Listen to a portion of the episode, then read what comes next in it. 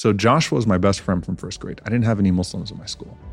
Joshua's uncle is a preacher, and everyone around me is deeply Christian, right? So I'm talking to Joshua and I say, listen, like, let's let's figure out life together. And so we basically both decide that we're going to become a religion together. My parents have no idea this is happening. Wow. We're 13. Wow.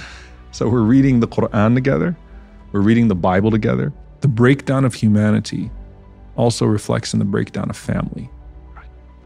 The importance of family. Family has been so deprioritized now Yeah. in our discourse uh, that to see the virtue of functioning within a family is uh, becoming a preposterous idea.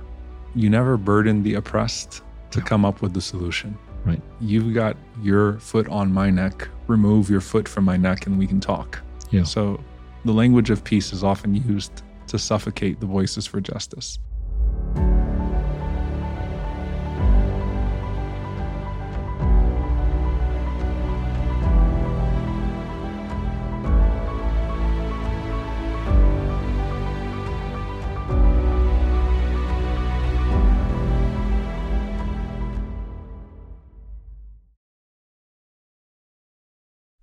Hi, friends and fellows. Welcome to this special series of conversations involving personalities coming from a number of campuses, including Stanford University. The purpose of this series is really to unleash thought provoking ideas that I think would be of tremendous value to you. I want to thank you for your support so far and welcome to this special series. Hi, friends. Uh, today I'm honored to be with Dr. Omar Suleiman, who is the founder of Yaqeen Institute uh, and also a professor of Islamic Studies at Southern Methodist University in Dallas, Texas. Omar, it's an honor. Thank you. It's Assalamu wonderful alaikum. to have you here. Wa alaikum assalam. Welcome to our home Thank you. and to I'm- your home. I, I hope this gets to be a long conversation, and I want to start out with um, your childhood. Okay. How, how did you grow up, and how did you become what you are? Tell us. So I was born and raised in New Orleans, Louisiana, um, where there weren't many Muslims. Uh, it's an interesting place. It's probably one of the most unique places in America. My parents are Palestinian refugees, um, but they both actually had very unique journeys here to the United States. My father is five years older than Israel. I like to make a point that he was born in Palestine, a free Palestine, alhamdulillah. And he um, went around the world in search of an education. He actually graduated from one of the few schools in Palestine, uh, taught uh, in various disciplines in Medina, not in the Islamic Sure. University. There was no Islamic University actually at that time. So it was schools that were named after companions. So he taught everything from math to Quran memorization for Hmm. several years in Medina. Then went around the world looking for a good university to pursue his studies. Ended up in Houston, Texas Okay.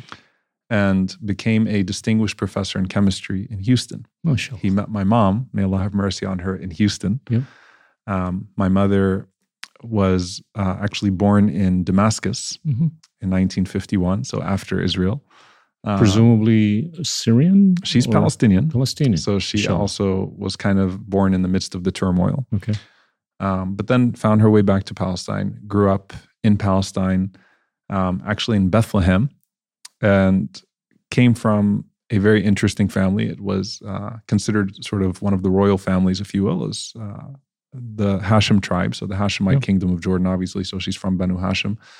Uh, her grandfather was the last Mufti of Palestine under the Ottoman Empire, uh, Mufti Munib Hashim. May Allah have mercy on him. But her family was, um, you know, kind of all over looking for new places, looking for new opportunities. So she had a very open spirituality uh, growing up.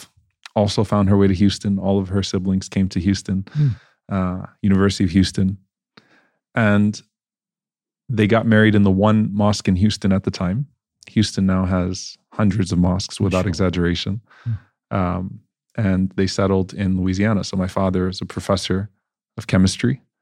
Um, my mother had studied Arabic literature in Beirut, and she had a degree in Arabic literature and a degree in finance uh, from Houston. So I'm born in New Orleans, and New Orleans was at the center of many developments in the United States. Right. You know, the South obviously takes a long time to catch up uh, with the rest of the country in in many ways, especially when you're talking about the 80s, the 90s, and race relations. Right? You're you're still you know less than 20 years removed from Right. the 60s and the era of Malcolm X and Martin Luther King Jr. Yep. and Medgar Evers. And New Orleans is this very interesting place because people are racially ambiguous. So you don't really stand out, uh, Yeah. which was good for me. People just assumed that I was half black, half white. You know, I was mixed race because that's very common. Creoles are in New Orleans. So I didn't really have that problem. Of course, to racist, uh, you know, uh, white supremacists, you're simply colored. Mm. And so, you know, you have to deal with that kind of reality uh, in Louisiana. Now, go- going between New Orleans and Baton Rouge, um, seeing sort of this this strange reality, right, of a very inclusive, welcoming place. Hmm. Um, you know, when you're in New Orleans, but then don't get caught outside of your city. You know, don't get caught in the wrong neighborhood. Right. Don't find yourself where you've got still Ku Klux Klan rallies. David Duke at the time, the head of the KKK. Uh, true story. My father actually threw him out of the masjid when I was a kid um, because he came trying to masquerade as an ally of the Muslim community Mm. um, by using, uh, you know, sort of this I'm against Israel too. So just like you all are against Israel, I'm against Israel. And Yeah. my father was able to see right through that, alhamdulillah, throw him out. It was an interesting reality. So I really had this typical, whatever that means, Louisiana upbringing in Yeah. one way. Um, but in another way, knowing that I came from a place that I did not get to actually experience, which was Palestine. Right. So as I grow older and older, I'm recognizing the Palestinian reality. Um, I grow up and I see videos, the Intifada, 1993. So much is happening now in my household to where I'm starting to recognize wait a minute, you know, my parents came out of a violent reality. Mm. And, you know, we have a connection and a duty and a responsibility to this place. But the power of it was that my parents were deeply humanitarian. So my parents were connected to every cause that they were exposed Mm. to globally and locally. Um, before social media, my mom, may Allah have mercy on her, was a poet. So she used to write poetry about all the oppressed peoples around the world. I had the opportunity to go to Bosnia um, last year and to read her poem for. Bosnia in Sarajevo, a poem she wrote about Sarajevo in Louisiana, Mm. right? A Palestinian woman in Louisiana wrote a poem about Sarajevo. I was in Sarajevo for a genocide tribunal for Kashmir.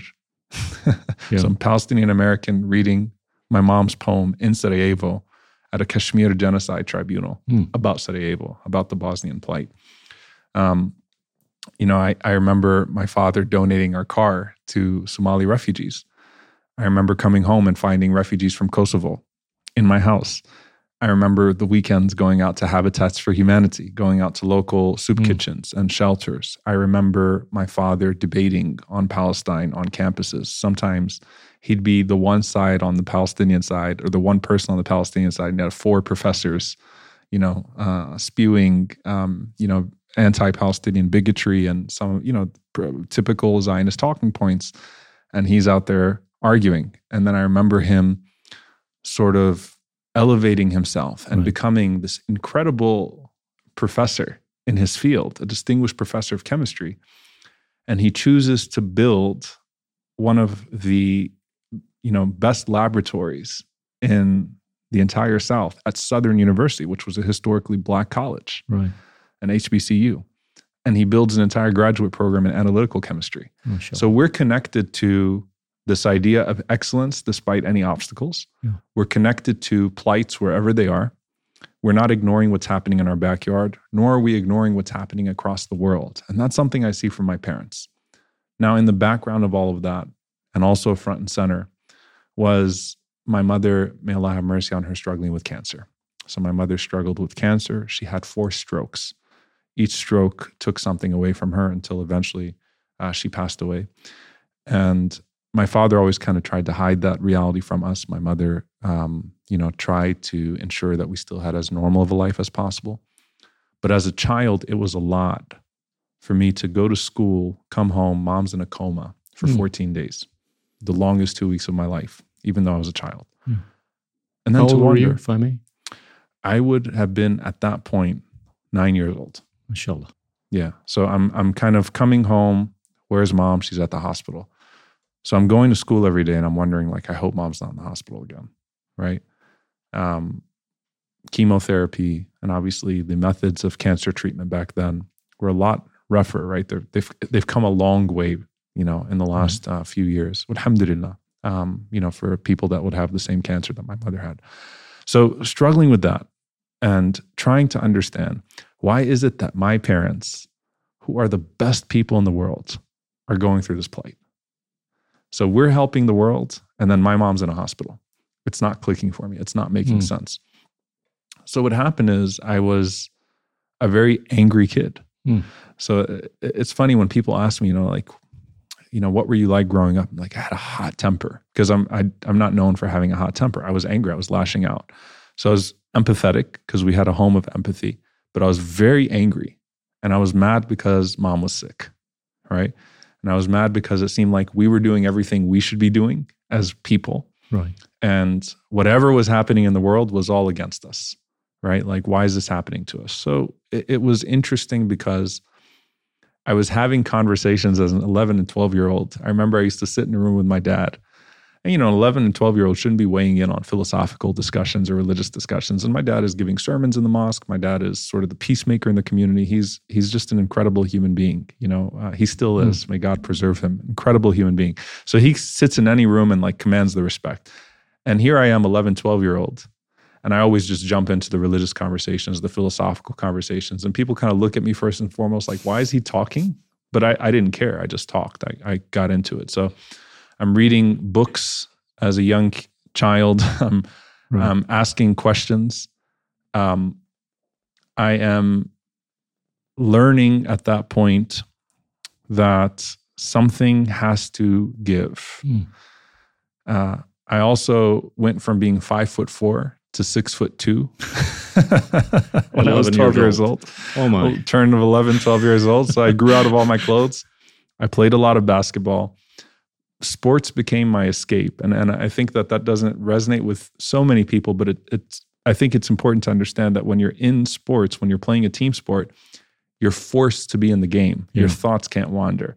Yeah. And so for me, sports was an escape. So I played every sport I could possibly play as a kid. I played basketball, football, baseball. I never wanted to do anything but just be on a field or be on a court. right. And the reason was actually a mental reason. I wanted to escape. So it was the funnest and most relaxing place for me because that's where I could go. I didn't have a place of spiritual fulfillment yet. It was really just that. And then, you know, I'm 13 years old. I look like I'm 18, 19, 20. Uh, Seriously, I, I could actually drive a car when I was 13. I had facial hair when I was 13. I was a very strange 13 year old in that sense, right? Now, what helps is that my best friend from first grade onwards, his name is Joshua, okay. also is physically extremely large. And so we're both the same height. He's on the football side, I'm on the basketball side. So I was tall, lanky, skinny. He was just built like a lineman. So he plays football, I play basketball. So Joshua was my best friend from first grade. I didn't have any Muslims in my school. Joshua's uncle is a preacher. And everyone around me is deeply Christian, right? So I'm talking to Joshua and I say, listen, like, let's let's figure out life together. And so we basically both decide that we're going to become a religion together. My parents have no idea this is happening. Wow. We're 13. Wow. so we're reading the Quran together. We're reading the Bible together. Uh, I wasn't, you know, I I did sneak into probably some places I shouldn't have as a 13 year old. So I'm not going to claim to be an angel or claim to be innocent. But one of those places was going to churches, um, asking preachers questions, asking pastors questions. Um, my father in law, who will become my father in law, was the imam of the mosque.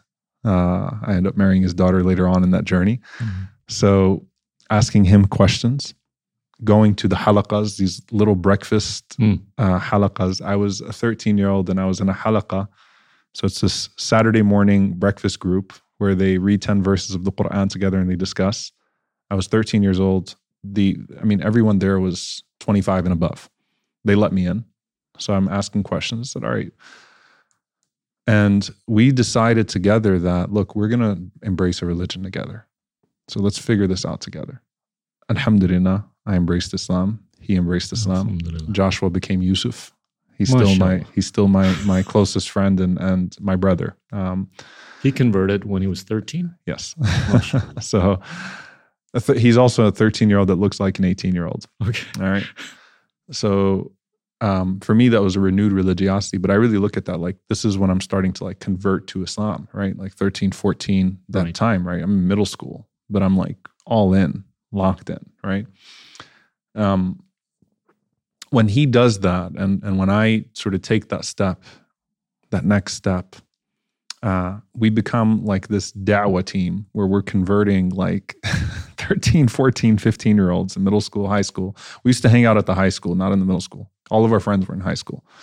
Uh, we played basketball at the high school. We'd hang out at the high school. So all of our friends were 17, 18, and we looked 17, 18, and we were mature to that level as well. So we're just giving dawah to people at that point. Members of his family are becoming Muslim. Schoolmates are becoming Muslim. Some of them went on to become rappers and NBA players. And their Shahada story originates in a small school in Baton Rouge, Louisiana. Their first Shahada story. And so I see them now and they're famous. And I'm like, you know, I remember you, you know, and we, we remember those days when we were like literally in a, in a school cafeteria talking about religion and trying to get people to become Muslim.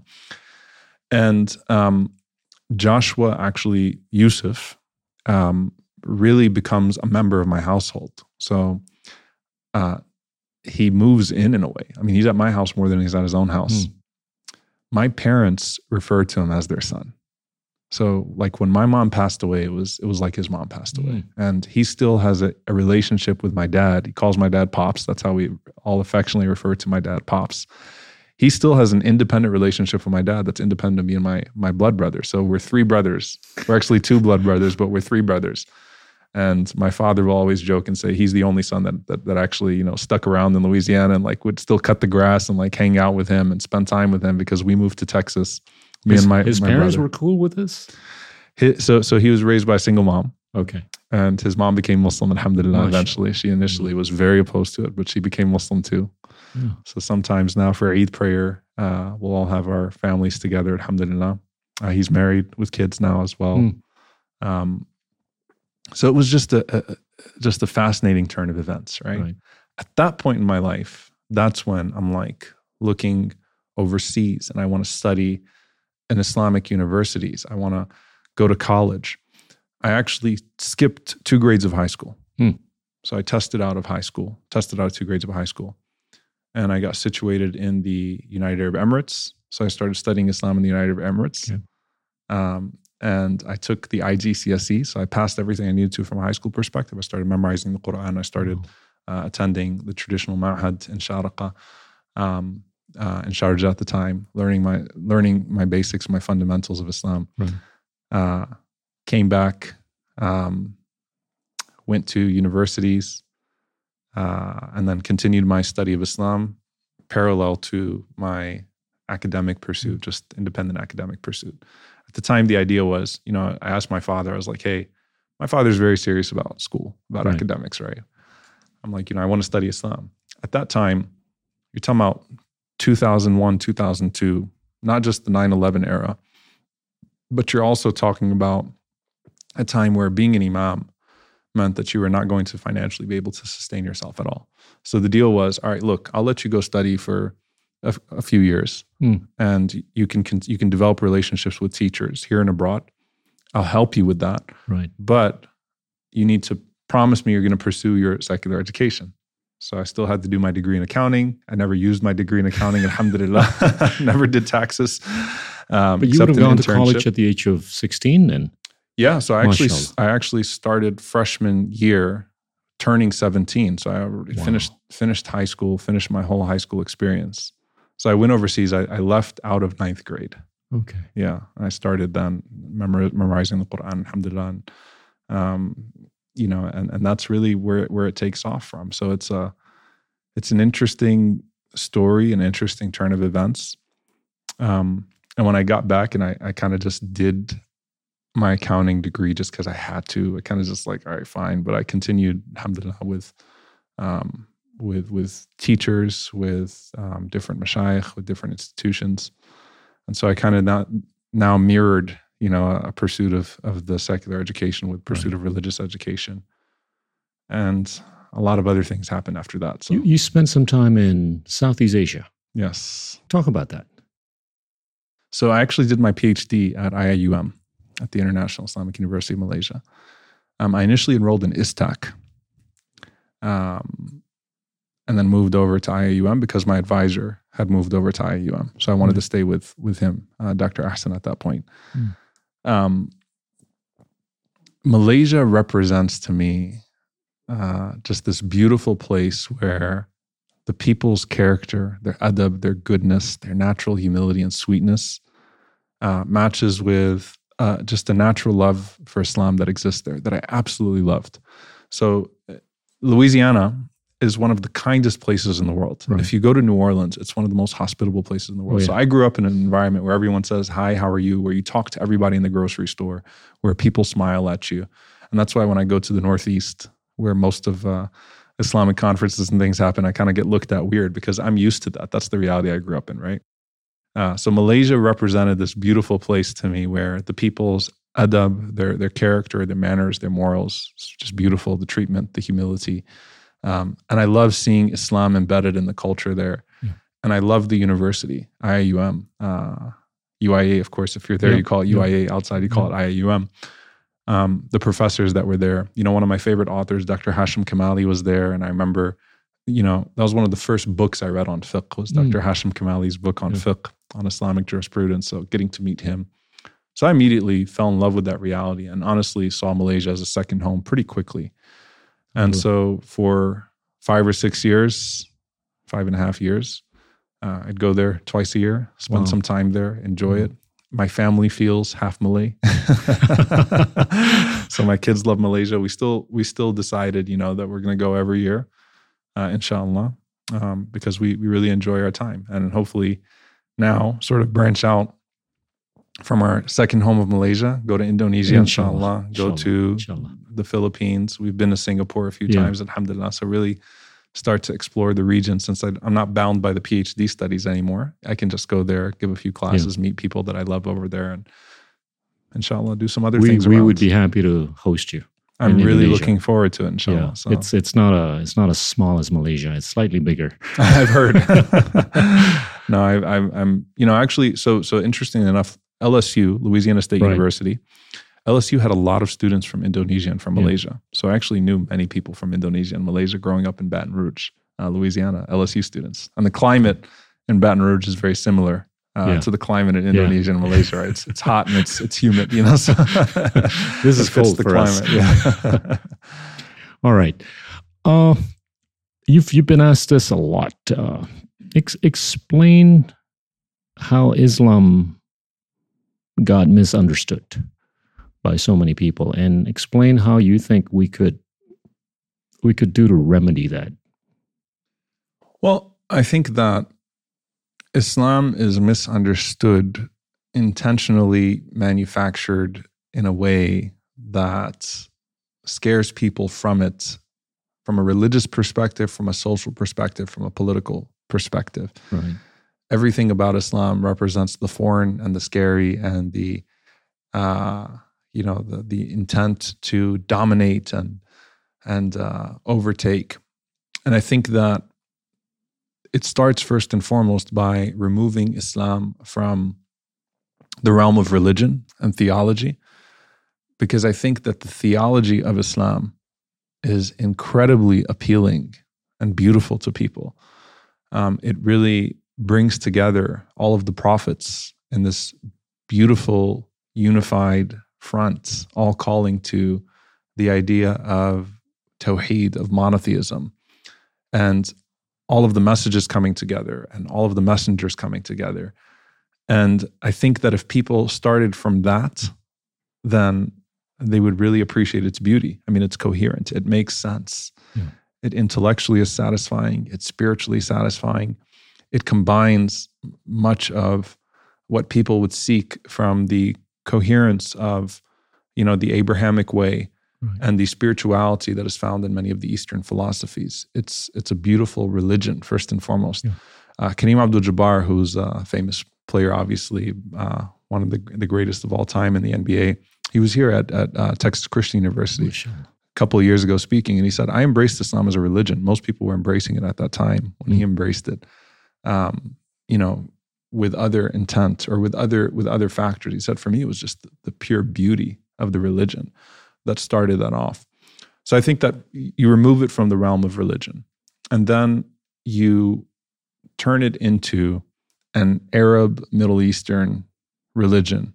And with all that has been done to portray the Middle East Right. as this hotbed of violence and regression and craziness in Hollywood over the last few decades, when you then bring that Hollywood depiction to the 9 11 reality, right? Which is, okay, what we've been seeing on TV now has come to us in New York. Then what ends up happening is that there's this deep fascination with who are these people that attacked us? Right. So you have all these hate groups that were founded and all of this money that was thrown at these hate groups, government money and other private donation money. And these hate groups manipulated that sudden curiosity people had about Islam and had about the Muslim world. And they founded these think tanks, these hate groups and think tanks with neutral sounding names Right. Center for Security, Center for, you know, it's, it always has Middle East or global or security and policy in it somewhere in there, right? And so it's not obvious to the agency or to the corporation or to the university that's bringing them in that they're a hate group because it would, it would take years for them to be classified as such. And then, well, they have PhDs, people that have studied uh, the Middle East, but they're hate mongers. They're pure bigots. And the thing about Islamophobes is that they never are just Islamophobes. They're always something else as well. But Islamophobia, especially in a post 9 11 world, is not a costly bigotry. You can be a bigot uh, against Muslims. It's okay. You can hate Islam. You can hate the Muslims. But once you can show that they're actually not just anti Muslim, then they can be disqualified in these arenas. And that takes time. So they were able to manipulate the sudden curiosity, the Hollywood depiction, and now the 9 11 attacks. And this is what this world wants. So they are who we thought they were.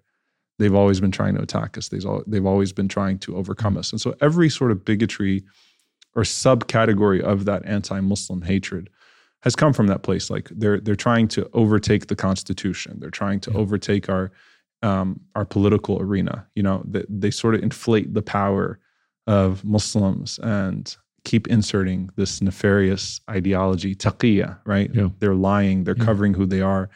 Uh, that that Muslim neighbor of yours or that Muslim colleague of yours at university that you thought was so kind, you know, don't trust their food, don't trust their smile. Yeah.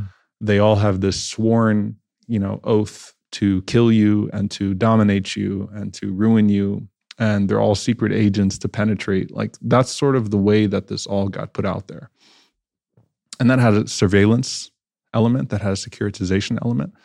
Uh, the Bush administration was, I think, the most atrocious and its Islamophobia from the perspective of shutting down Muslim institutions and uh, targeting, um, you know, preachers um, and imams. And then the Obama administration further incentivized that hatred and that securitization through the CVE programs, through the Countering Violent Extremism program. And then Trump is just Trump. He just Yeah. blew the lid off, you know, and and just made it all very plain right, in regards to I think Islam hates us and this idea of banning Muslims and, and really shutting them down. So it had a policy implication. The social implication um, to it is now that Muslims are looked at with suspicion from all sides. Yeah. And Muslims are not welcomed to any table fully as Muslims. Um, and I don't want to say any or always, so I think it's important to not be absolute here. But what what often happens, right, is that the Muslim community is looked at as a political entity that could be used for or Right. against. And so some people will say, we embrace diversity, we accept the Muslim community, but we hate everything about Islam. We hate everything about your orthodoxy. We hate everything about your theology. We hate everything about your moral and social ideas. But we need you to to check this convenient checkbox against the big bad Trump administration and the big bad right in America. So check this box for diversity.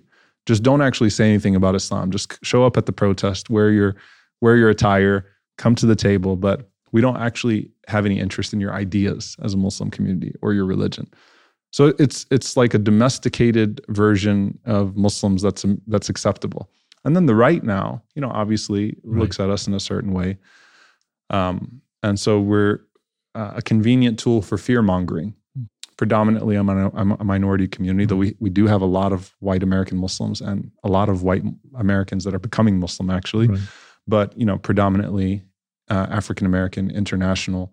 So the racialization allows us to continue to be cast in that way. So, how do we uh, start to undo this? Right. I think that we insist upon speaking about what our religion is yeah. and who we are, no matter what that's going to mean from a political cost and benefit analysis or from a social perspective. This is who we are. We're a community that is uh, enriched by our faith and that is driven by our faith. And we don't have to start on the basis of your misunderstandings of our faith. Yeah. Look, you need to undo yeah. all of what you've heard and all of what you think you know about Islam. Let's start from zero. Who are we? We believe in one God. Let's start from La ilaha illallah. Right. Uh, who is the Prophet Muhammad sallallahu alaihi wasallam? Everything you've said about him, everything you've heard about him, let's remove remove all of that. Who is he? He is a descendant of Abraham, peace be upon him, through Ishmael, peace be upon him. And this is how the story happens. Like we need to tell our story from the start and not operate on anyone else's foundation and their misconceptions. And so the first thing that we have to do when we talk to people about Islam is say, listen, uh, it's important for you to, for a moment, remove all of what you think you know about Islam and the mm-hmm. Muslim community, even if you deem yourself an ally of the Muslim community yeah. and an ally of Islam you have to hear us tell our story yeah. and hear the Muslims that go to their mosques, that pray five times a day, that are deeply attached to their faith, and that are some of the best people that you could possibly have in your neighborhood, that are people of benefit, that are people that love their societies, that want to enrich their societies in every way possible because they love their faith because they feel like God calls them to be a mercy to everything and everyone around them. So that's what I do when I go to any, whether it's a church or a social gathering, I'm talking to people in the street. I first and foremost try to make sure that we're able to have a conversation where we're going to start with the fundamentals and no assumptions being made. Right. Because when people see me in an airport and I always wear my right. kufi and I'm, I'm usually well unless i'm going on a vacation and i got my baseball cap on we're you know heading to a beach or something like that as a family trip. But more often than not i'm traveling and i'm going to give a, a talk somewhere or something like that. So i'm almost always in my gear if you will. And i'm, I'm going to pray next to the gate where there's the least amount of people in the airport uh, when i go to the to a restaurant when uh, the flight attendant comes to talk to me they're not expecting me to sound like this like, where's the accent? we thought you were going to be speaking broken English. We thought they're not expecting me to smile at them. They're not yeah. expecting me to sound like this. It's yeah. like, whoa. I get on the plane and they're not expecting me to offer them, hey, can I put your bag up for you? Right. Um, to show courtesies. It's like, hmm. And I make it a point to welcome conversation. Yeah. Welcome conversation. So as Muslims, when we're in public, we we shouldn't be trying to shy away from conversation. We should be welcoming it because you'd rather that person asks you about Islam than goes back to Twitter or Fox News or whatever Absolutely. it is and learns their Islam through there. You'd yeah. rather they ask you about Islam. So smile at people, be welcoming to people, be yeah. courteous to people. Ask them how their day is going. Yeah. Let them ask you how your day is going. Strike up a conversation. And if it leads to something deeper and people are wondering, and and I'll share this as well by the mm. way that I think is very important. I have never seen more people become Muslim in my life than I have right now. Sure. After the COVID era, um, people are searching for deeper meaning. Yeah. After that isolation, after that loneliness. And people are finding Islam not because they saw on TV something negative about Islam. They're looking for faith, they're looking for God, they're looking for meaning, and they're finding that in Islam. And so I've never seen more people embracing Islam than I have in these Yeah. last few years. You've you've talked about you know focusing a lot more on similarities as opposed to differences. You've you've talked a lot about you know dignifying and glorifying our being the children of Adam Right. and Ibrahimia and Muhammadiyah, right? Adamiyah, Ibrahimiyah, and Ad- Muhammadiyah. Right. There's there's 1.8 billion Muslims around the world, right? It doesn't seem like a difficult task, right, to basically trumpet the mantra or whatever that needs to be trumpeted to the rest of the world with that message of peace, right? What what do you think is making it not so easy? And and and I want to just throw into the equation, you know, the, this recent complicating factor of social media, which tends Yes. to polarize conversations, right? Correct. I mean, just being cognizant of the fact that there's 1.8 billion Muslims out there who hopefully share the same idea that you've articulated, uh, it shouldn't be that hard, Right. right, to send a or convey the message of peace. Sure. Well, this recent complicating factor of social media is, is actually a, a huge one, especially with uh, the COVID era Right. in particular. People are increasingly determining their worldviews on the basis of customized algorithms that inflate their existing worldviews and that are meant to polarize and paralyze and then sell you something that you feel like will solve your problem. Right. So the 1.8 billion Muslims in the world, if if you're listening to three people talk about Islam in a particular way online, your algorithm is is sensing that. Right. Your algorithm is being designed to keep feeding you that. And so you're not hearing 1.8 billion people, you're hearing three people and those that sound like those exact same three people. And so you're only um, finding that your confirmation bias is driving you to an even further place from learning the truth about Islam. To penetrate that is not easy online. Um, there has to be a concerted effort, and that's some of the work that Yaqeen does uh, on, in the digital Inshallah, space. yeah. There has to be a concerted effort to put that true message of Islam out there so it can be found and to hopefully complicate someone's worldview enough to where they'll actually take a step back in humility and learn Islam for what it is from Muslims. But eh, you know, an in-person interaction can quickly complicate that for someone. So it, it is going to be your grocery store. It is going to be Yeah. your your bus ride. It is going to be your subway ride. It is going to be someone on the street. It is going to be someone in a in a public place or a colleague at work or a student at your college or university sort of penetrates that and, and then makes you think, wait a minute, those aren't the Muslims I thought they were. Your doctor, we have a lot of Muslim doctors. So wait a minute, you know, this doctor is trying to save my life and deeply cares about my health. This nurse uh, doesn't seem like someone who's evil and who uh, is hoping to kill off as many non-Muslims as possible in the hospital they work in. That would be some conspiracy if that was a conspiracy put out there, right? That all the Muslim doctors in America are part of a singular plan to try to reduce the population. uh, I hope I'm not giving anyone ideas, right, in terms of conspiracy theories, but you can quickly complicate someone's worldview when you meet them. Yeah. So the Quran calls us to start with people on the basis of similarity, right? So if you're talking to a Christian, you start on the basis of not just belief in God, but look, um, you love Jesus, peace be upon him, in a way that theologically uh, is offensive to us as Muslims, but you claim a love for Jesus, peace be upon him. We claim a love for Jesus, peace be upon him. That's theologically offensive to you. Yeah. But let's start with who who God is. Let's talk about Jesus, peace be upon him. Let's let's start with the similarities. Uh, so with with um, a good friend of mine here, um, Reverend Andy Stoker, we did a four week class on Jesus and Islam and Christianity. So we started off with, you know, uh, we kind of divided um, his life into four. Uh, we started off with Mary and the birth story Right. and you know, you could see everyone's eyes just light up like, wow, we're the same, you know, and then the life of Jesus, okay, very similar. And then we got to crucifixion. Wait a minute. departing narrative. And then, you know, resurrection, uh, departing narrative.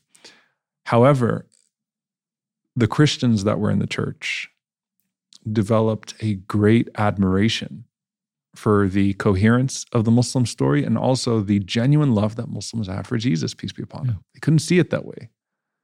So when we got to the departing narratives, there was a shared understanding like, okay, you actually care about this, mm. right?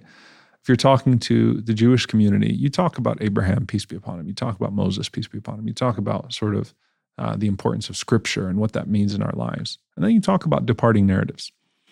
Uh, so you find common ground to start with. You know, so when the Quran mentions, um, you know, come to a common word that we will only worship one God, it starts from that. Now, I'd say that unfortunately, what ends up happening is that instead of making that an enriching conversation, instead of um, letting people uh, authentically express themselves, right. we start to sort of take that concept of Ibrahimiya, Abrahamic, and you have very nefarious political initiatives that are yeah. driving sort of this idea. Why don't we just, you know, all become Abrahamic from now on and forget the Islam, forget the Judaism, forget mm-hmm. the Christianity part? And, you know, to not veer into that too much just yet. I don't know if it'll come up in this discussion or not, but the point is is that I believe in Islam. I love my religion deeply. I don't have to shed any of that theology to be an agreeable neighbor to you in fact, a good neighbor to you. Right. In fact, someone that wants to be a mercy to you. In fact, someone that cares about you being fed, someone that cares about you finding goodness in this life and the next. Mm. It is not a condition for you to fit my mold of theology for me to treat you with dignity and respect and care and mercy. Because the Prophet Muhammad, peace and blessings be upon him, is destri- described in the Quran. We have sent you as a mercy to the worlds. You're not a mercy to the Muslims only, you're a mercy to the worlds. And if that means that you're a mercy to that plant outside, you're a mercy to that cat, you're a mercy to that animal.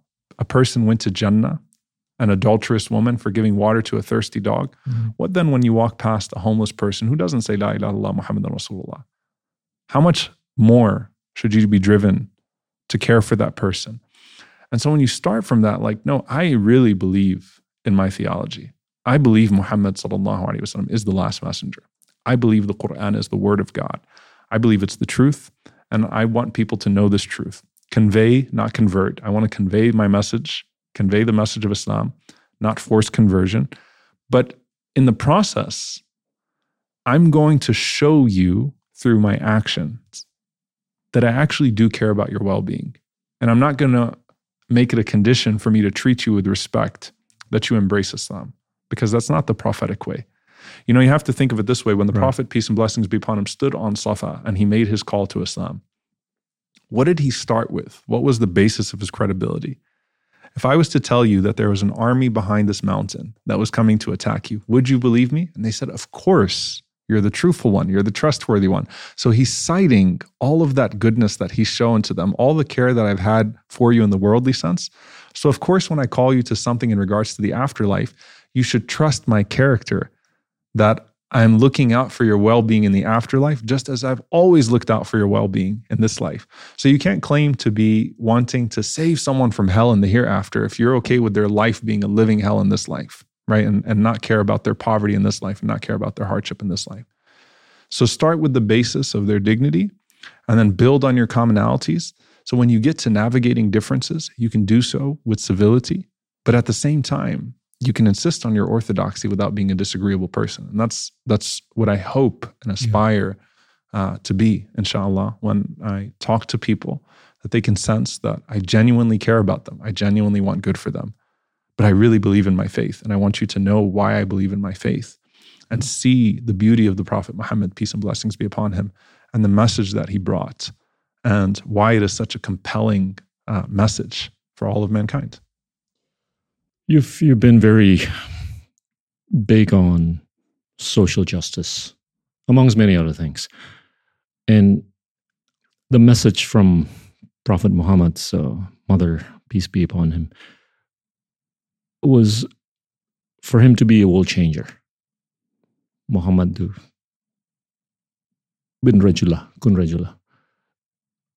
And he changed the world, right? By way of pioneering upon using scientific methodology to find solutions, pioneering upon the use of meritocracy for social order, pioneering upon the conservation of the environment, pioneering upon monotheism, well, repioneering monotheism, and also the free markets, right? I mean, he spent half his life as a very successful entrepreneur, spent the rest of his life basically socializing his ideas to the rest of the world. What's the hope for the future? You know, by way of what we have seen, you know, what Prophet Muhammad did, you know, more than a thousand years ago, for the near foreseeable future and the long future. Everywhere Islam went in the world, it brought goodness with it. Yeah. It didn't just bring a theology. It brought scientific inquiry. It Right. brought a set of ethics that unlocked the existing brilliance in a mm-hmm. society and mm-hmm. culture in a society, and then embellished it with even more. Yeah. And that is our history. And we're very proud of that history. We're very proud of that tradition. And if you look at the current landscape of the world, when someone says, well, what about this part of the Muslim world? What about this part of the Muslim world? You know, why is it that Iraq, you know, which used to be this hub Oh, of sh- universities Yeah. and, and hospitals and medicine is now this, Yeah. you know? Well, I'm like, well, it's been bombed by four US presidents. You know, it's been bombed Yeah. to pieces. Its infrastructure destroyed politically, socially, culturally. Uh, you don't fault religion for that. That's not a failure of religion or the way of the Prophet Muhammad, peace and blessings be upon him. However, when I'm talking to Muslims, I say to Muslims, let's rediscover the beauty of our Islam and what it is meant to do to shape every single part of our lives. Socially, uh, it, it calls us to not just change our societies by preaching a different way. That's certainly part of it. Uh, we, we do have ideas that are in conflict, and not all conflict is bad, that are in conflict with prevailing social ideas. That's mm-hmm. okay. But if you live the universal ideas of service and goodness, it gives you a basis to then speak to idea, speak to people on the Right. ideas that are contested, and to demonstrate the superior value of you know what it is that the Prophet Muhammad, peace and blessings be upon him, brought. So certainly, the Prophet, peace be upon him, transformed everything. Um, what we shouldn't do is read other philosophies and ideas into Islam to give validation to those ideas. We should be honest to go back and say, okay, what was the unique value of those ideas and what's the framework that can be built out of that foundation? Because the potency of that message was that when Islam went to Iraq or when it went to Abyssinia, Right.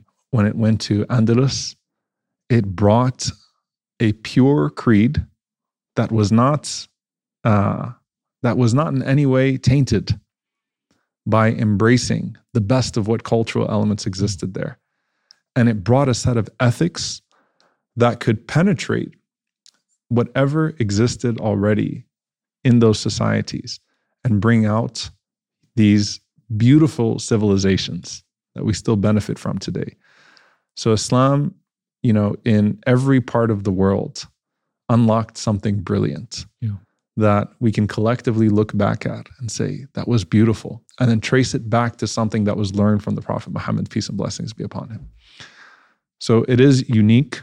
We have Yeah. our own unique frameworks. We have a very unique foundation that we operate from. And that that shaping of our worldview from that one God, that idea of one God, which is a, a- very powerful idea of one Right. God. If you if you think about what it was that made Islam so objectionable to Quraysh, to the Meccan elites, Right. it wasn't just that you were going to have Muslims that are worshiping one God. It was the consequences to their idol worship and exploiting people in the name of that idol worship Yeah. and all that it used to give them in terms of access to that exploitation. So, La ilaha illallah, that idea of one God, meant that you can't use these idols anymore to unlock the lowest impulses of yourselves and then place people in lower categories than you and then humiliate them and manipulate them in the name of your idols. One God is going to cut through all of that. There is no superiority anymore of a Qurashi, of a person from Quraysh over a person from another tribe, of an Arab over a non Arab, of a white over black. That's gone. One God. It levels the playing field of the rest of us to where we're all in pursuit of His pleasure and we're all going to try to do our best to bring about what is pleasing to Him in every realm of our lives as it exists today. And so that's a very threatening message yeah. to a tyrant. That's a very threatening message to one who builds an entire career on exploitation, political, economic, or social. And that is precisely what also made Islam so beautiful and yeah. uh, and so um, appealing to many of the revolutionary movements throughout history. It made it appealing to a Malcolm X, yeah. to a Muhammad Ali here in the United States, because Islam carries a certain dignity with it, right? That gives you this ability to not see the world as uh, as as dictating of your views and dictating of, of of the way that you're going to carry your life, but instead gives you the ability to forge principles on the basis of that oneness of God, and then to persevere. And so it creates some of the strongest people in history yeah. and some of the greatest civilizations in history. You've, you've talked a lot about Malcolm X. Yes. What were some of his experiences that really drew you or magnetized you or attracted you yeah. to him more than the others? So it is a product. Also, 1993, the Malcolm X movie comes out. Right. Spike Great Lee, movie. Denzel Washington. Oh my. Yeah. yeah. And so in Louisiana, everyone's walking around with an X necklace. The flea market in Baton Rouge, uh, I remember people selling the X shirts. Everyone had an X T-shirt. At that time, Fresh Prince of Bel Air, you know, every there was Malcolm X all over that. Malcolm X had kind of taken over culture in many ways across the United States, especially in You're South. Only Louisiana. seven years old. Yeah, so I'm, I'm, a young guy. I am walking around. I'm like, this is awesome. So I'm watching that movie, and I'm reading his autobiography, and I'm going, wow, this is incredible. Um, and when I got to know about Malcolm X, may Allah have mercy on him, the more I got to know about him, the more I resonated with his sincerity. Uh, first of all, he has like this impossible story. You know, like Malcolm in 1964 was the most sought out speaker in Ivy League universities, actually on public campuses, period, in the United States. He spoke at Harvard, spoke at Columbia, spoke yeah. at every one of Brandeis, all of these universities, right? Malcolm is being called. Malcolm holds his own in the Oxford Union, wins a debate at the Oxford Union, nationally televised debate in the UK. Eloquent, sure. articulate, with a middle school education, coming out of an absolute nightmare. His father murdered by the Klan, his mother taken into a mental institution, shipped from house to house. Um, manipulated, used, abused the criminal life, and somehow you just see this incredibly articulate uh, man who has clearly built himself to a potential that no one else saw in him, right? So he has this power, this charisma that was deeply inspiring. But then when I read his autobiography, what I really appreciated was his willingness to admit, and that's probably the greatest sign of courage, his willingness to admit where he was wrong in the pursuit of self dignity. And so he kept growing. Malcolm, at no point from his first embrace of the Nation of Islam until the day of his martyrdom, at no point can you not trace growth in his life, spiritually, intellectually, mm. politically. He's constantly growing He's only 39 when he dies, yeah. by the way. He was 39 years old when he was assassinated. Mm. Right. So you have to keep that in mind. Uh, neither uh, Dr. Martin Luther King Jr., Malcolm X, and Medgar Evers all were killed in their 30s. Yeah. None of them lived to see the age of 40 years old, which is remarkable when you think about it. So that's also part of it, the youth of Malcolm. But growth, growth, integrity, sincerity, it keeps standing out. And those scenes of like Hajj and those scenes of, you know, uh, Denzel Washington, you know, in Ihram, going through Mecca and reading in Fatiha and coming back. that that really uh, struck me, Hit right? you. So it hit Yeah. me, right? So I'm, you had the message, and you had Malcolm X. Those Yeah. were like two movies back Yeah. then that I'm The watching. message came out in the 70s. yeah, right? yeah, yeah. But I, I still still have that that VHS yeah. of the message. I still have it actually. Um, so you have the, the the depictions, obviously, and again the culture. But once I got into his autobiography, I couldn't stop reading. I couldn't mm. stop reading Malcolm, and I couldn't stop reading about Malcolm because he was sincere. He's constantly growing, and I wanted to constantly grow. And I wanted to not be driven by my obstacles to a convenient theology and worldview that fit my obstacles, but I wanted to be driven to the truth, whatever obstacles were in the way. And so that was my pursuit. How do you see what Allah is calling you to through all of the trials that have been put in your way? Malcolm overcame every single obstacle. You know, I, I teach Yeah. a course, and, and I've, uh, you can actually find a lecture I gave at University of Michigan a few years ago. Hmm. Uh, it's actually, I think, their most watched uh, video on the University of Michigan channel Okay. on Malcolm and Martin I've, intersects. I've watched your interfaith dialogue Right, right. like four right. times maybe. I appreciate that. so I speak about Malcolm and Martin and their intersections. Dr. King um, came out of sort of the middle upper class African American reality where he still, you know, he's a PhD in his 20s. He could have chosen to live a very comfortable life right. relative, Yeah. you know, to what other African Americans had Mm. gone through. So he has to transcend that comfort to jump into the struggle. Malcolm has the opposite reality. Malcolm has the nightmare reality. Malcolm is living the nightmare that most African Americans are living as a child. I mean, devastation after devastation, and he has to transcend that reality, right? So you have Dr. Martin Luther King Jr., the PhD, Malcolm X, the middle school, you know, the the, the kid that only made it out of middle school, and reads the library cover to reads the uh, the dictionary cover to cover in prison, reads the Quran cover, reads every book he possibly can, and builds himself to being this incredibly articulate, in my mind, the most articulate truth speaker that America has ever seen is Malcolm X, the most articulate truth speaker. It is incredible when you listen to this man's speech and you can see that he's speaking from a place of experience. Yeah. And that's what distinguishes us. Even, you know, in our Islamic spirituality, in, uh, in, in our Tazkiyah, there is a saying from a great sage, Fudayl ibn Ayyad. He said, "La yanfa al-qalb illa ma kharaja min al-qalb." Nothing benefits the heart unless it comes from the heart. You can't script genuineness. Yeah. You can't script authenticity. A lot of preachers perform. A lot of pastors perform. I saw that in Louisiana. You know, we had a lot of charismatic preachers in Louisiana. But you can't script authenticity. When someone's speaking to you from the heart, you know it. Malcolm spoke to people from the heart, and you could see that when he was speaking on a stage or when he was right in front of you, that he was speaking to you from his heart. You were there. I hope think. so. I Inshallah. hope so. Inshallah. But you know, I want to draw this distinction between what you are doing vis-a-vis what the famous athletes would have done. The Muhammad Alis of the world, the Habibs of the world, the Islams of the world. And and if I talk to my non-Muslim friends, they they tend to identify with these athletes right. a lot more than they would identify with the Omars of the world, right? What's your take on this?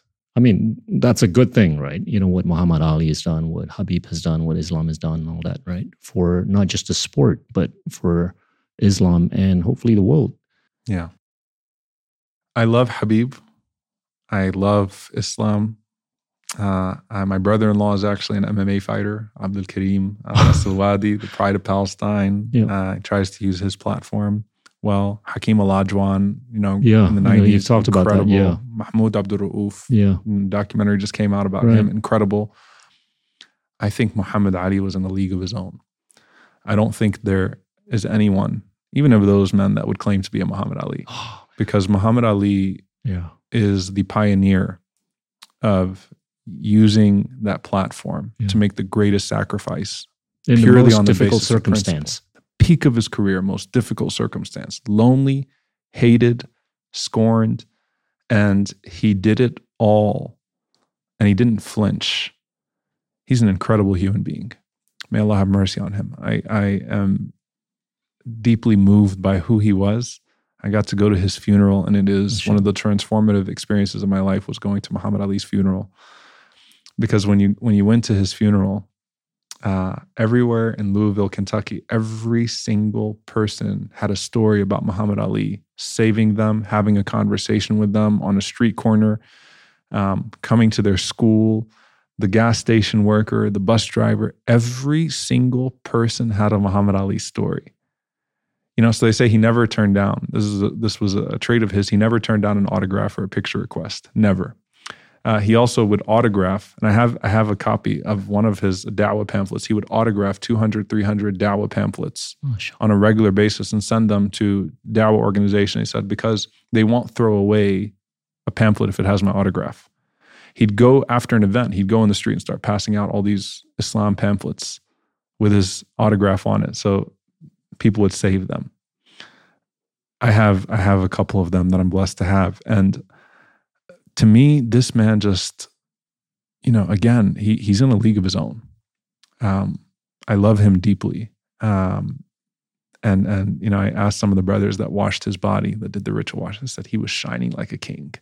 I know some of his his children, um, his kids, by the way, they you know, uh, Rashida and and Maryam Maymay and uh, you know Hana Ali and others, um, Jamila, they have uh, that that charisma, that that beautiful character they they kind of shine with that as well. Uh, his his grandson's boxing, Nico Ali Walsh, mashallah, right now. Uh, Nico's a beautiful young man as well. But Muhammad Ali just he's in a league of his own. Uh, that sacrifice. Now the the others not and, and they would say I think Khabib actually re- rejected yeah, yeah, the association with Muhammad yeah. Ali. Like don't compare me to Muhammad Ali. I can't be compared to Muhammad Ali. He's on a different level. I think what makes those people so beautiful is that they're not just saying the right things, but they're also living uh, lives that are admirable in many ways. Yeah. So they're representing, you know, the beauty of Islam and their family lives. They're representing the beauty of Islam with the stage, with the public platform. They're not perfect, um, but uh, they're doing a great job, and yeah. and I think that uh, they have a platform that the preacher just doesn't have. Their pulpit yeah. is a greater pulpit, comes with a greater responsibility, and a greater opportunity. So two sentences that's said by one of them. And uh, you know, you got uh, Badou Jack, Devin Haney in the boxing world, uh, J Rock, Julian Williams. So you got all these Muslims in combat sports and in the NBA and the NFL. Uh, what they can say in two, three sentences. so I can I can spend twenty years giving sermons, but what they say in two, three sentences, when, when, you know, under that light, you know, when Khabib goes up on stage and he goes, Alhamdulillah, it, yeah. you know, it's, it's a representation of athleticism, right. but also the beauty of Islam. Right. Right. And I, I just wish there were a lot more of those people that I think would convey the message of peace right. to the world. Absolutely. Uh, I, I want to talk a little bit about the economy. Uh, and, and I want to tie it back to Islam. If, if we take a look at the world population, Muslims make up about 23, 24% of the world population. But from an economic standpoint, we make up less than 5% of the global economy. Hmm. How do you think we're going to be able to reconcile, you know, the two numbers, right? You know, if, if I take a look at, you know, Indonesia being the largest Muslim country in the world with 280 million people, you add up all the other countries and you add up all the GDPs of the respective economies or countries, uh, they don't add up to any more than 5% of the global GDP, uh, while representing 24% of the global population. Is that a manifestation of the lack of unity within Muslims or the lack of education or a combination of both?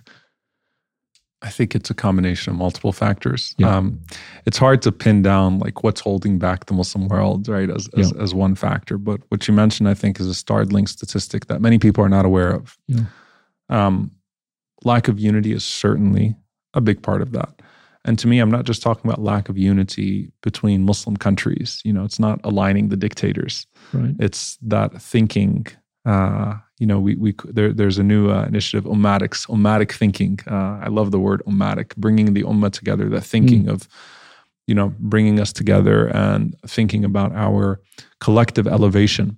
I often tell people this that just like you know, the emphasis on my brother, my sibling brother, does not mean to the exclusion of my ummah.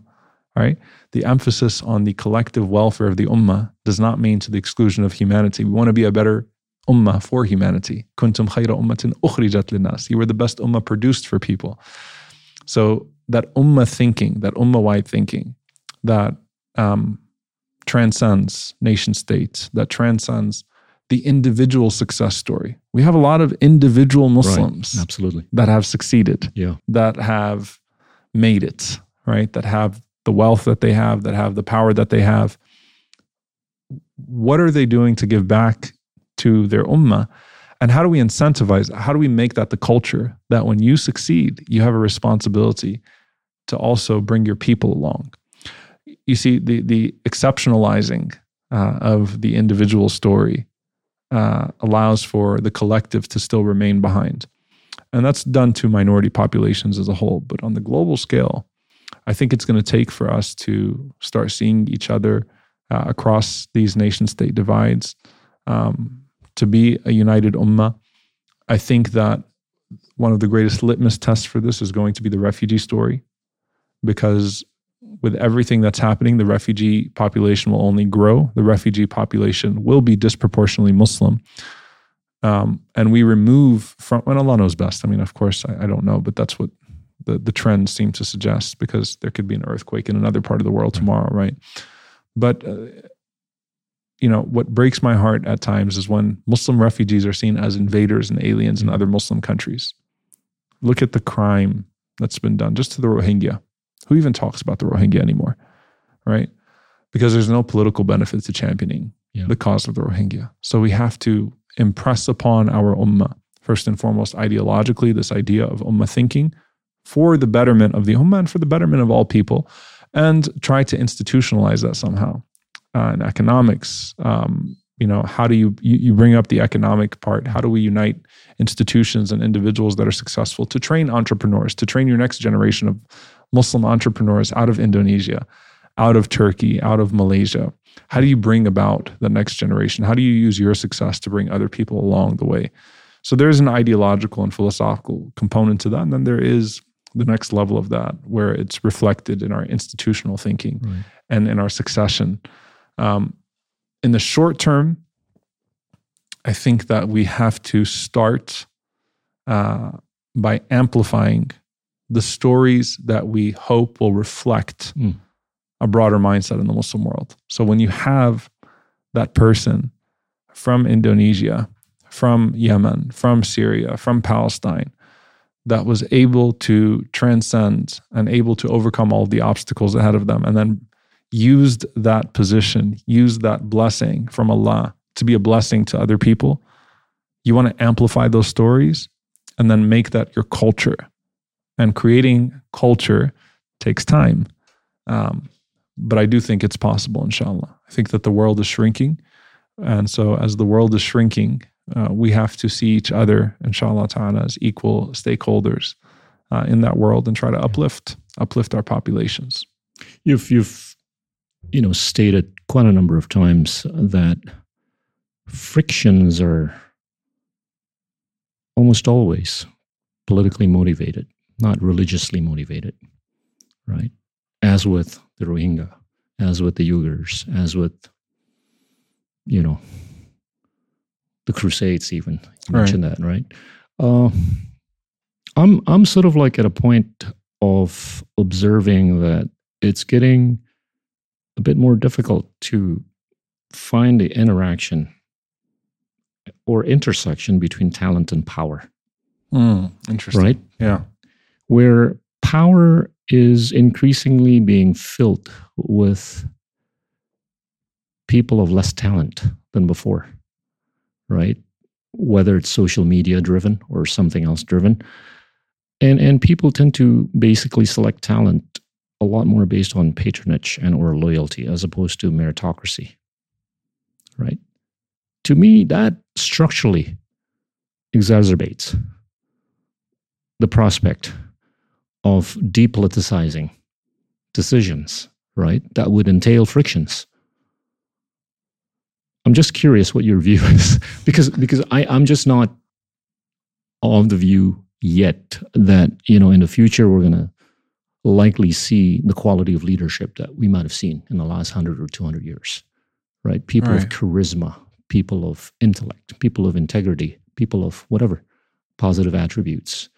But now with social media, that's complicating conversations, polarizing conversations, discounting the democratic process of many people in many countries around the world. It's it's becoming more difficult to, I think, see leaderships of good quality in the future within intuition, yes. logic. Yeah. I think that you also have to take into consideration here, and this is where the faith part comes yeah. in, that there are people that are going to come out of these difficult circumstances that will have the edge because of how hard they had to work to get to where they need to get, while others rely on the ever convenient tools of success and the access to power that they have. I look at some of those people that are coming out of the refugee camps and coming out of occupation, and I see some of the most brilliant people in the world that are learning a grit through life experience and learning manual means of elevation that people that have all of the tools of convenience will not be able to generate in themselves. And so I have hope in them that if we're able to unlock some of what exists of the brilliance coming out of these devastating situations and then pair education with that natural God given talent and generated grit and steadfastness in their experiences mm. and then pave the way for a few of those individuals. Change always comes through the committed few, not through a transformed majority, right? This is our history. And so I think that if we can find ways to create those pathways for those people by not neglecting them and by cultivating an environment where we give them some of the tools that they need to take that next step that you can see things change. You know, I always I always talk about um, how inshallah, inshallah. I, I, I always talk about how you know it's uh, when I go to Silicon Valley and they're like, you know, you live there, like this started in this person's basement, this person's basement. I'm like, well, in Texas we don't have any basements, so I'm not sure what's happening here. It seems like everything great started in somebody's basement in college, right? So or garage. to me, it's yeah, we have garages here. We have garages here. You know, to me, inshallah, I, I pray that out of these devastating situations some of these people that will rise up will do incredible things. You know, I, will I'll give you a story. SubhanAllah, I talk about her. Um, because I think she's going to be a superhero one day. Her name is Rahaf. She's a Syrian refugee that lives on the border of Syria and Jordan. So, um, you know, I've gone to the refugee camps a few times. I haven't been yet after the earthquake. Um, but, you know, I, I, you meet these people that have this incredible commitment to uplifting themselves despite things that have happened to them that would make other people fall apart. Yeah. Uh, Rahaf was 16 years old, earning for her whole family. Her father uh, was killed. Um, she's the sole breadwinner. And when we take food and drink there, she would say, Can I just have a bus to go to the nearest school in Jordan? I don't care if it's going to be an hour and a half, two hours. I just want to go to school. I said to her, What do you want to be? She said, Well, I'm going to study to become a lawyer so that I can sue Bashar al Assad uh, for war crimes. And I looked at her and I was like, this girl is special. What's being generated in her cannot be generated in the comfortable schools that we've been blessed to put our kids in. This is a school of life that produced the likes of Malcolm. Harsh circumstances produced some of the most brilliant people. So, in our convenience, we have to try to cultivate pathways for them to then pair their brilliance with some of these tools. And I believe that those are the people that will create a next generation of institutional uh, and ummatic uh, upliftment, inshallah ta'ala, for people around the world. I want to I want to bring up this sensitive topic of normalization. Okay. That's been, you know, talked about in recent years. What what are your views about it? Look, I think that there are a lot of things that are happening with Israel right now that are in parallel and that all play into factor into um, a greater uh, problem. So Israel is escalating its apartheid, its occupation, its settlement expansion. It's becoming more apologetic about its fascism and its treatment of the Palestinian people. Human rights organizations around the world are coming to a consensus. Um, many people that would have uh, before been uh, staunch supporters of Israel have now switched. Yeah. You have a growing sentiment of pro-Palestinian, um, you know, solidarity amongst young people. So in the West, public opinion's changing on Israel. Um, young Jews are challenging Israel from within and without. Now, the one thing that Israel needed to function in the Middle East was normalization with surrounding Muslim countries. When you skip over the Palestinians, you participate in the dehumanization and the oppression of the Palestinians. When you now say we're going to normalize with the state of Israel and not make its occupation or apartheid consequential. You see, the United States of America has always given a blanket check Right. to Israel. Now, when you have Muslim countries that are saying, continue on with your oppression, we might give some statements of condemnation the way the United States does, but functionally speaking, continue on with your oppression, and you will still get all of the economic benefits. And we're going to use the name of Abraham. we're going to call it the Abraham Accord. Accords. It is deeply insulting to me as a Muslim, deeply insulting as a Palestinian, deeply insulting as a human being, and as a person who would hope to stand for justice. What a great injustice that you silence an oppressed people in the name of Ibrahim, salam, in the name of Prophet Abraham, and then call this some sort of great interfaith initiative when you are suffocating Palestinian Muslims and Christians, by the way, and helping, you know, make the chokehold tighter now on the Palestinians. So I am deeply opposed to it.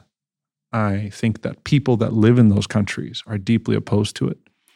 I think that the Abraham Accords are nothing but apartheid deals and arms deals that are bundled into this warped new theological political worldview that simply means access to power, lack of accountability for power, and they use the dressing of unity to actually further the occupation and the disenfranchisement of the Palestinian people. But with all that being said, I am a person of faith. I also believe the Palestinian people have enormous willpower and strength.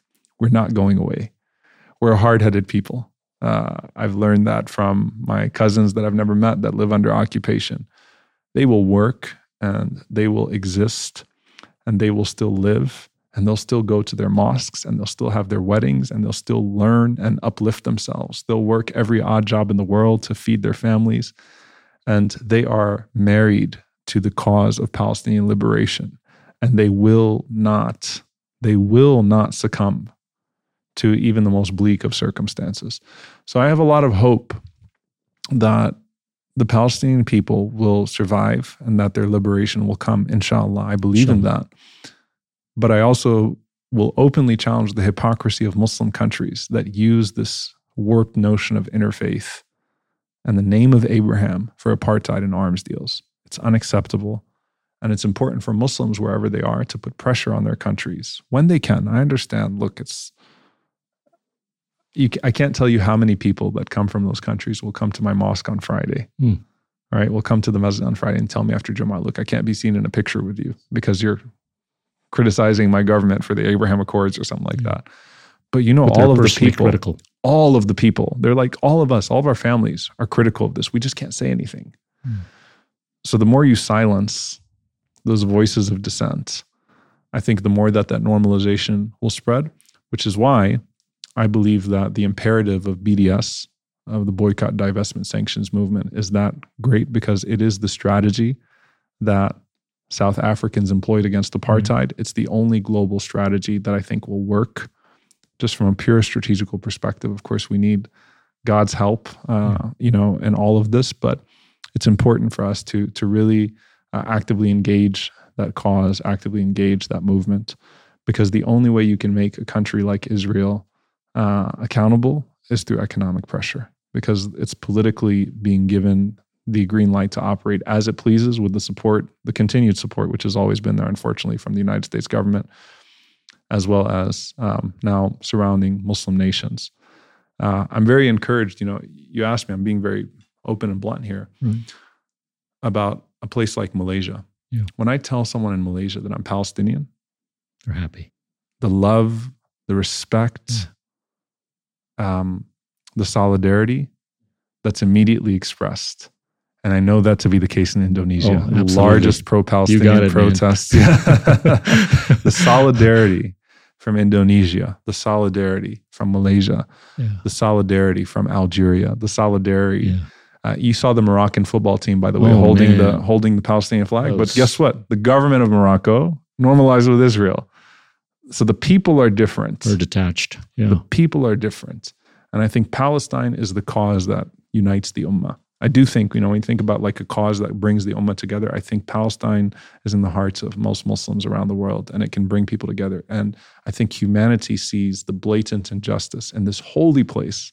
How can a place that held prophets and that holds such sacred meaning to so many people be a place where an occupying military spews skunk water on people and steps on old women and shoots people to death, media people, burns down buildings, media buildings, shoots journalists point blank with absolutely no Yeah. global consequence. Yeah. The world Yeah. sees this happening and the amount of unaccountable cruelty, I think hopefully will will drive people to reject much of what is happening. So the, the, the whole the whole you know Abraham Accords, and it's interesting because I meet people, and I'm someone that's worked with other faith leaders to Yeah. do social justice work. We, you know, here in Dallas, our our anti-homelessness, not Yeah. anti-homeless, anti-homelessness initiatives, our Yeah. poverty initiatives, our um, you know adopt a school initiatives, uh, our work rejecting racism and bigotry together. Uh, sometimes I'll have someone come up to me and say, "What do you think about the Abraham Accords? Great, right?" And I'm like, "No, not great at all," because it sells. It sells sometimes to the innocent, the innocent mind that simply sees unity, Yeah. which is of course an admirable thing, unifying people, uh, and doesn't see sort of the political nefariousness here. And of course, uh, you know, I, I think you know there there's all sorts of problems with every, all of the implications of the Abraham Accords, you know, politically, theologically, socially. But uh, the the core thing driving it is definitely normalization with Israel, with the state of Israel. Look, my parents, uh, we talk about the success stories. My father could have forgotten Palestine. Right, he's a distinguished professor of chemistry, Mm. loved, embraced, welcomed, has invented uh, multiple things in his field. It was very hard being a child of a scientist of that caliber, you know, mashallah, but is an incredible human being, successful, accomplished human being. But Palestine is always his heart and his mind. My mother, same thing. Palestine was always heart and mind. We we have been nurtured. I've never been to Palestine. I can't get I can't go there yet. But we have been nurtured with this idea that Palestine runs through our blood and it's in our hearts and our success does not matter on an individual level unless we're able to continue to uplift the plight of our people in Palestine. And you know, when Nelson Mandela said that our freedom is incomplete until the the Palestinians are free, uh, you know, a great a great anti-apartheid icon and warrior, and one that that was very inconvenient to pro-Israel advocates because Nelson Mandela, Desmond Tutu, and all of the South African anti-apartheid, Yeah. uh, you know, uh, icons were pro-Palestinian, um, which is inconvenient to the narratives that exist here. No one sees the liberation of Palestine as more imminent and important than the Palestinian people themselves. And the day after a bombing, they will still go to their mosques for Fajr Mashallah. they will still have in, in Gaza what they do is they do group weddings. Yeah. So I have family in Gaza I've never met. Um, because they can't afford to get their their their young grooms and brides Right. married individually. What they'll do is they'll they'll get a thousand people married at a time. They'll still do Eid the day after a bombing. And of course, unfortunately, Israel intensifies the bombing every Ramadan. Which always is, is something that that you know connects our hearts to that place. So the people of Indonesia and and in Malaysia, Jazakumullah khairah, thank you for your solidarity. Because like when we see that level of solidarity from people, protests in the thousands and thousands and thousands, that lets us know that we're not alone. Yeah. Because it's feeling lonelier in the Middle East. for the Palestinian people. And so they broadcast those images around now. You know, they have social media with the Palestinians too now. You know what goes around Palestinian WhatsApp groups? Indonesian protests, No Malaysian kidding. protests. Wow. That's what circulates. Look at these people. Gaza is getting bombed right now, and people in Gaza are circulating videos of people protesting in Indonesia saying, They're with you. They're with you. We're with you. And so that solidarity is that much more important now.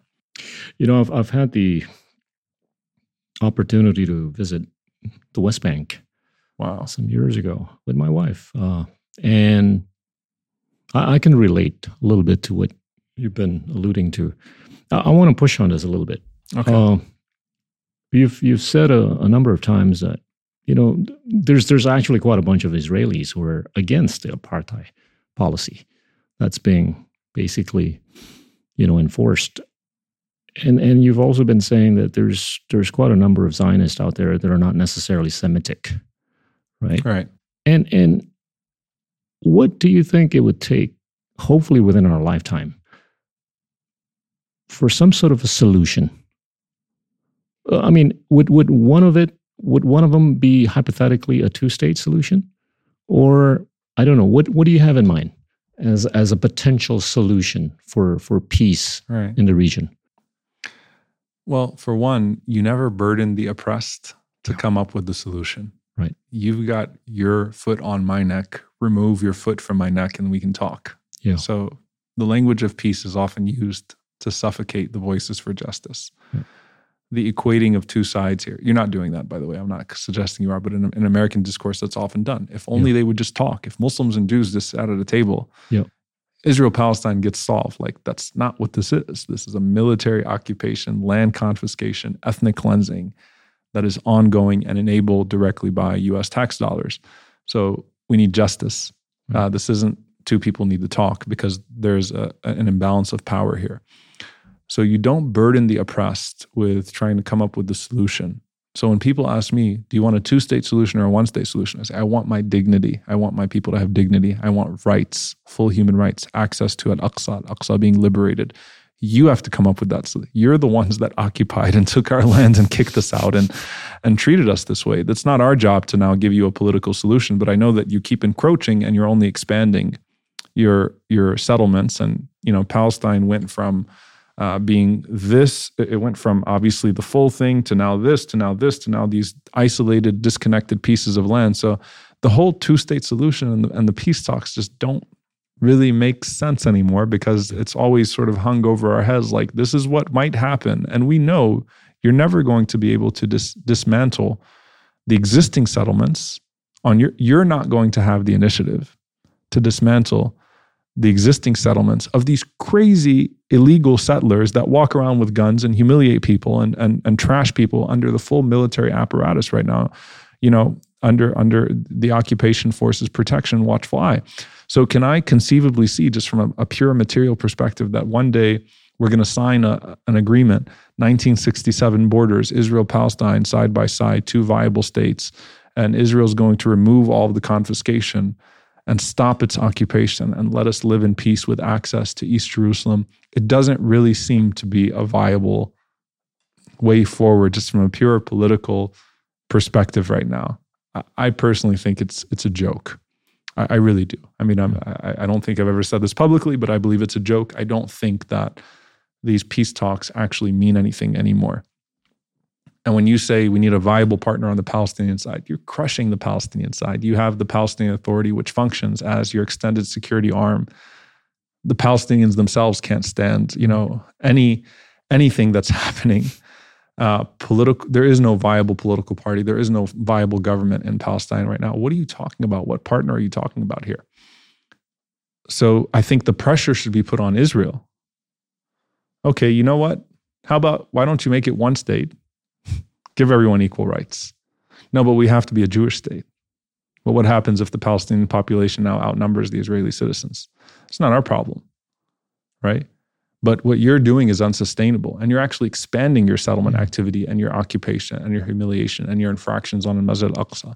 So the oppressor should be burdened, not the oppressed. You don't compound the burden of the oppressed by saying, come up with a creative solution. We don't want a creative solution. We want to breathe, we want our freedom.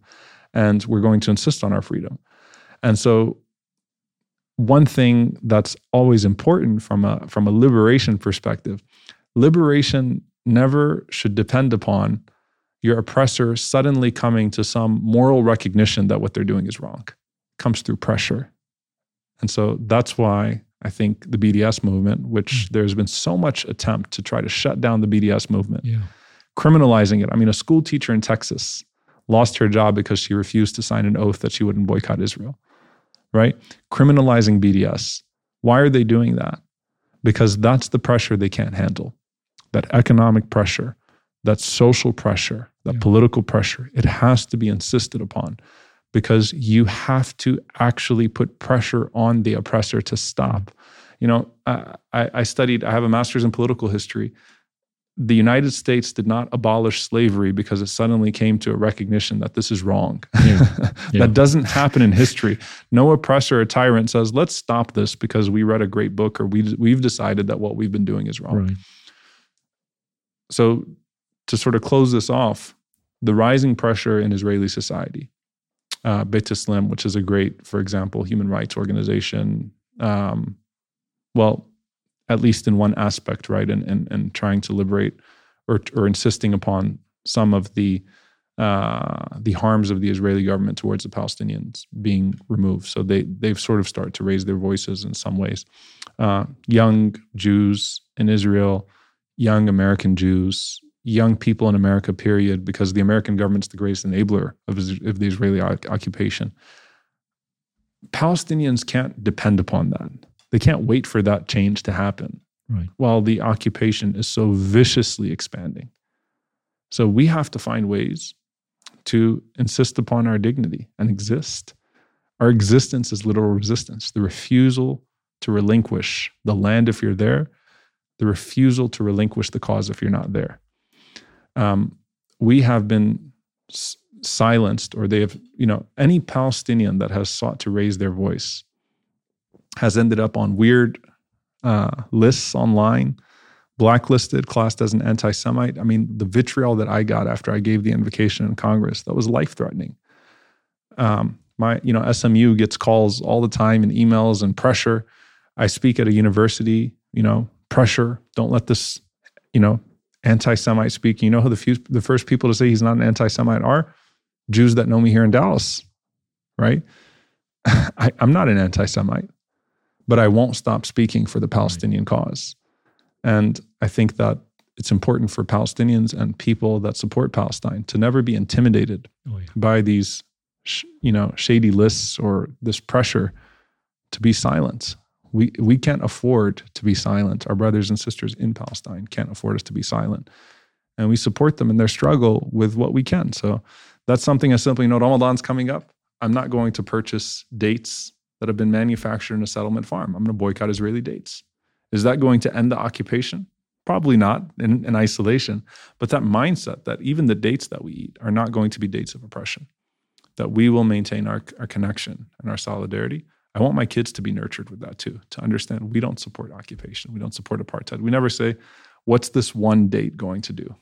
We never do that. Yeah. Because collectively, and this goes back to the collective, collectively, uh, we can put pressure instead of depending on individuals to act alone. Wow.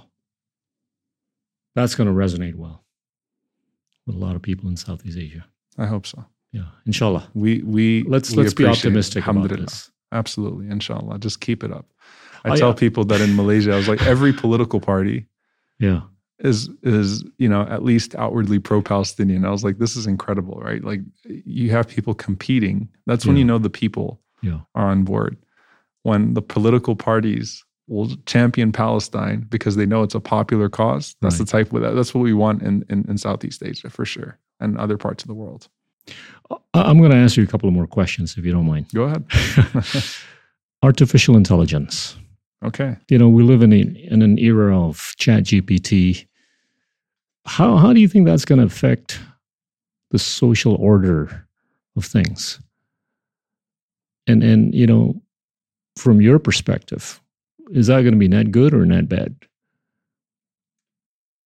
Well, as a Muslim, you want to make it net good. Inshallah. Yeah, you want to try your best to to see what's happening in the world and try, you know, try to take tools that inflict greater harm and and you know neutralize the harm and try to bring about good. Uh, I think any any time we move away from our humanity, Yeah.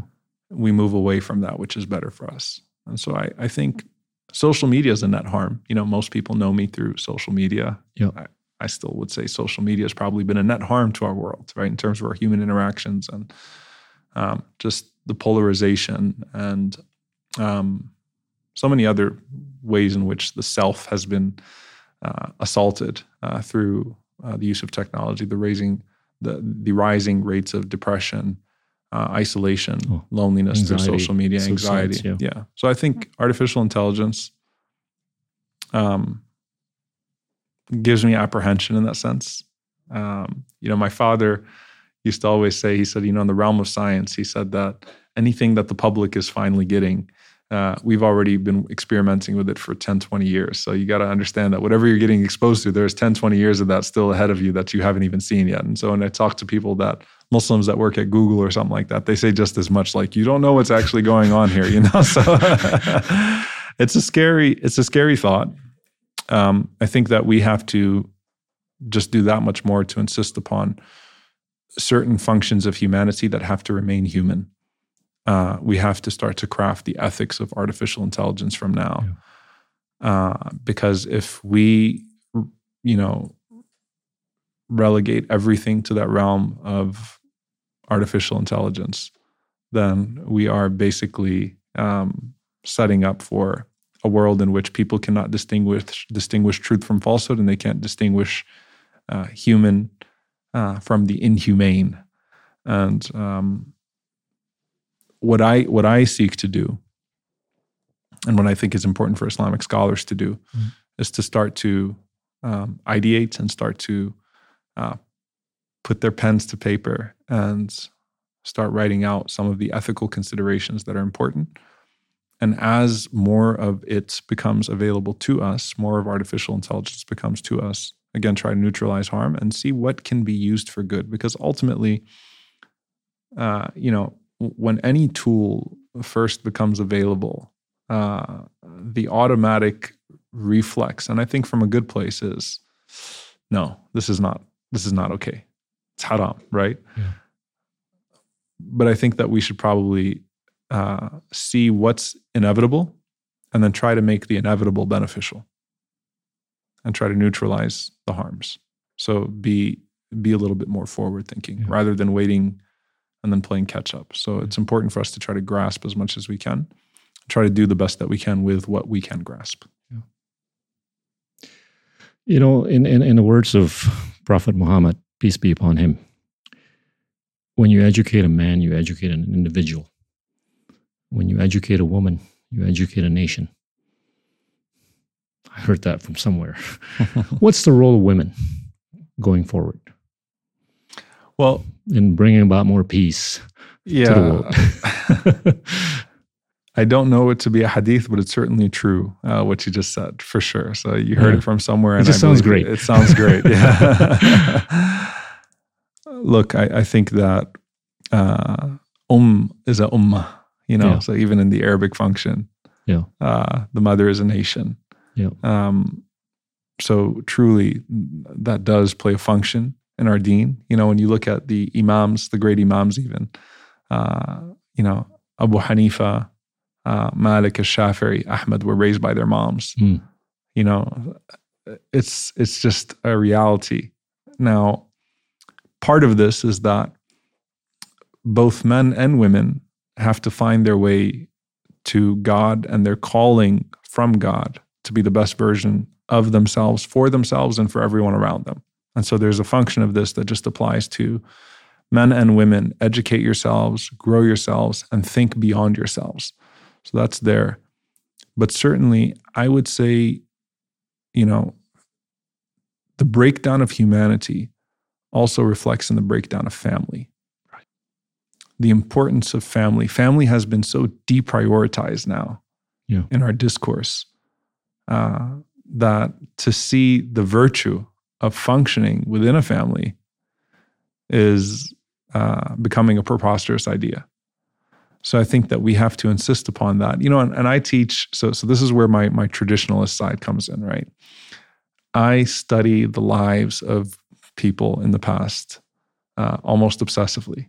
Uh, my favorite genre of books is autobiographies. I love autobiographies. I love to read autobiographies. I could consume them in audio format, in written format. I'll read them on a plane. I'll listen to them on my commutes. I'm constantly in autobiographies and the biographies of the generation of the Prophet Muhammad, peace and blessings be upon him. What I love about it is that you can find the different personality prototypes and then you can have people see themselves in those prototypes and then translate that into being the best versions of themselves for the world that's that that's theirs now. Um, so taking that inspiration and making it practical, um, humanizing some of those individuals so that you can see your full human potential and following those individuals I think is something that that's very important because the good examples in the present sort of become less and less, right? So you got to use the good examples of the past, just as we have to kind of pull uh, institutionally, and I think from a civilizational perspective, from our Islamic history, and translate that into a better future. We have to do that with our individuals as well, our stories, individuals. Uh, the Prophet Muhammad, peace be upon him, was given the stories of the prophets before him as a means of um, giving him firmness, steadfastness, perspective, clarity. So we have those stories so that we could make our own story better. And certainly with women, the consequences are far higher when it comes to um, what that means in terms of civilizational values and the transition and succession of those values. So uh, we have to do a better job. And yeah. that starts with, I think, insisting upon the collective, and part of insisting upon the collective is the family.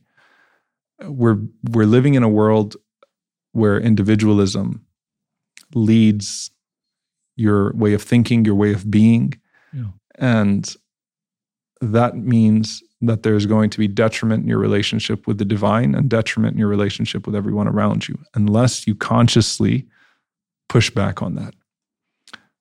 So if people are only looked at in terms of their utility and their function, and that's their only value, and people's dreams are individual dreams, then what happens to the elderly? What happens mm. to the younger generations? What happens to the vulnerable? What happens to the poor? What happens to the refugee? What happens to the homeless? What happens? What happens? What happens? Mm. So part of fighting back on that is having a family mindset, a community mindset, a collective yeah. mindset, an ummah mindset, a humanity mindset, right? so that it's less and less about the individual and more and more about the collective. Wow. Thank you so much. Thank you. And I, will do anything to get you out of Indonesia. I'm coming, inshallah. inshallah. I'm coming, inshallah. I, like I said, I grew up with a lot of uh, folks from Indonesia and Baton Rouge, yeah. Louisiana at LSU. Know. Um, you know, so I, I have known so many wonderful brothers and sisters from Indonesia over time. And uh, Indonesia, in many ways, is the pride of the ummah. Uh, you know, it's not just a statistic to me when I would say to people, the largest Muslim country, I've said this in so many university settings, you know where the largest Muslim country in the world is? And it's not Syria, it's not Saudi Arabia, it's Indonesia. Like, wow, you know? Yeah. But I've actually experienced now. We just multiple. we just got to speak up a little bit more. Yeah. We don't we don't speak up enough. Your character yeah. speaks volumes, mashallah. The Indonesian culture yeah. and character is a beautiful, beautiful culture and character. So, alhamdulillah, just alhamdulillah. keep that character and that great civilization. And, um, you know, I'll share one more thing with you on that. Yeah. When the tsunamis hit and some of the oh. devastation. So, being in New Orleans when Hurricane Katrina hit, mm. um, there was a spiritual resonance with our brothers and sisters in Indonesia. You know, Hurricane Katrina wiped out, flooded, and and a lot of those images that otherwise were just not accessible to most right. people of the tsunami, the post tsunami world. Right. I think in New Orleans, we got a little bit of a taste of that. Mm. And I remember walking into my masjid. So I'll share this story with you. And, you know, hopefully it'll be worth what it's worth. I walked into my masjid when I got back to New Orleans after Hurricane Katrina.